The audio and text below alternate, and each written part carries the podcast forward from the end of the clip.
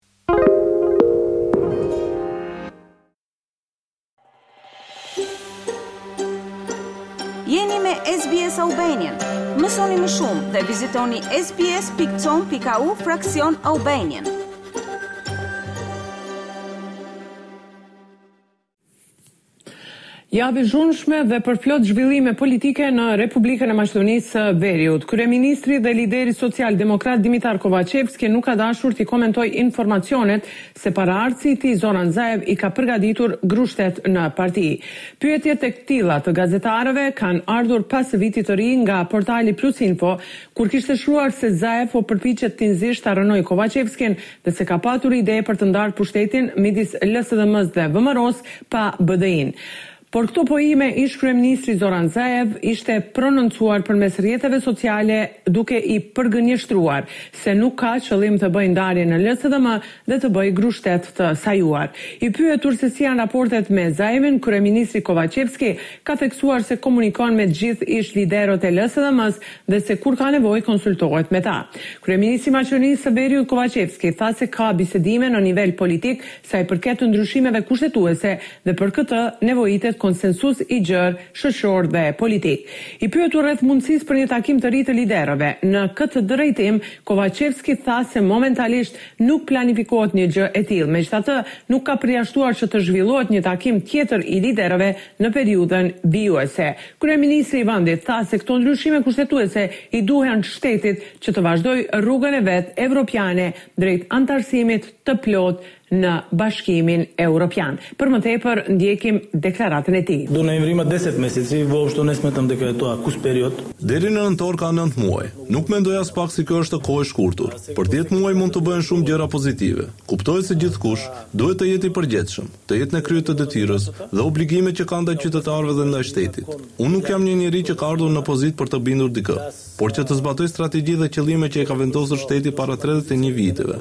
Unë jam i bindur se në shtet ka substanca të mjaftueshme, që është orientuar kah Europa, dhe që dëshiron t'i mundësojë shtetit dhe qytetarëve ardhmëri europiane.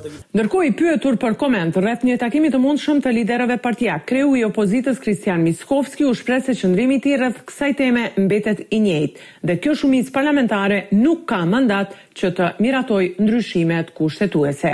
Ndjekim deklaratën e tij. Qëndrimi im është se ky Kuvend nuk ka mandat të ndryshojë Kushtetutën, sepse opozita nuk ka marrë pjesë në krijimin e asaj marrëveshje as nuk është pajtuar me atë marrëveshje, as nuk kanë dalë para qytetarëve të premtojnë se do të ketë ndryshime kushtetuese, kështu që, Duhet sa më shpejt të jetë e mundur të mbahen zgjedhjet e parakohshme parlamentare. Unë nuk mendoj se do ta ruajnë shumicën as për qeveri, ndërsa për ndryshime kushtetuese nuk do të kenë shumicë. Bashkimi Demokratik për Integrim ka nisur takimet me bazën. Takimi i parë ku do të jenë të pranishëm krerët më të lartë të integristëve mbahet të shtunën më katërmbëdhjetë janar në Çegran të Gosivarit. Takimet e këtilla janë në përputhje me vendimin e Këshillit të Përgjithshëm partiak është shkruar nga zëvendëskryeministri i parë Artan Grubi, por nga ana tjetër nënkryetari i BDI-së Izet Mexhiti, përmes postimeve të tij njofton për takimin e radhës që do të mbahet po ashtu të shtunën dhe pas Studeniçanit në radhë është qyteti i Manastirit.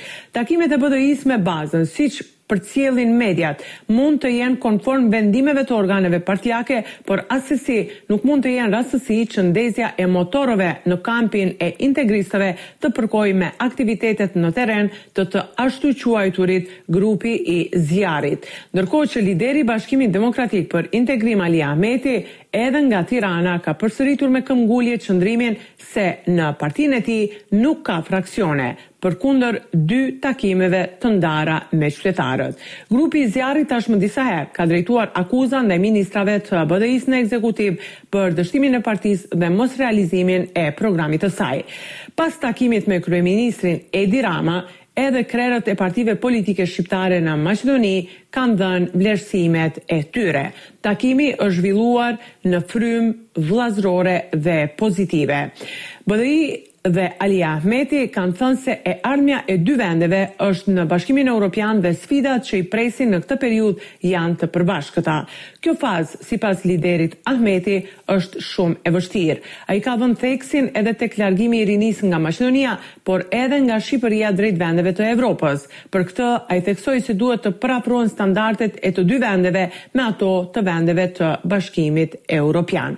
Ahmeti ka përsëritur se Lëvizja Besa nuk ka bërë mirë që nuk ka marrë pjesë në takim, duke e cilësuar këtë veprim të Besës si papjekuri politike. Ndryshimet kushtetuese, gjithashtu sipas liderit Ahmeti, nuk e dëmtojnë identitetin maqedonas, përkundrazi e forcojnë atë. Për më tepër, Ai tha se pa shqiptarët nuk ka Maqedoni. Ndjekim prononcimin e tij. Mendoj që alternativë të vetme Maqedonia ka Bashkimin Europian. Mendoj që alternativë e vetme është ndryshimet kushtetuese dhe hapja e negociatave për anëtarësim të Maqedonisë në Bashkimin Europian. Ndryshimet kushtetuese asesi nuk dëmtojnë identitetin dhe komunitetin maqedonas. Identiteti maqedonas forcohet duke hapur kushtetutën, duke i futur bullgarët kategori kushtetuse, kroatët, malazezët dhe kështu forcojnë identitetin e tyre përkrah ne na kanë pas në përkrahje të identitetit, në përkrahje të kulturës, në përkrahje të historisë së tyre dhe do të na kenë. Pa shqiptarët s'ka Maqedoni. Ndërkohë që vendimet për Maqedoninë duhet të merren në Maqedoni, është shprehur opozita VMRO-DPMNE. Pas ndërrimit të pushtetit, nga kjo parti thonë se gjëja e parë që do ta bëjnë është që të ndërpritet praktika që për Maqedoni të vendosin jashtë vendit.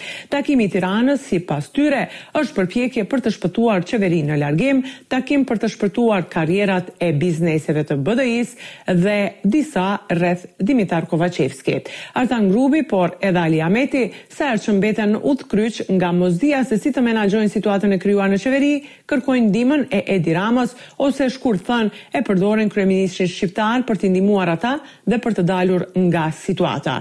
Në këtë mënyrë, Lëvizja Besa, që drejtohet nga Bilall Kasami, është shprehur gjatë këtyre ditëve dhe zyrtarisht njoftuan se nuk ishin pjesë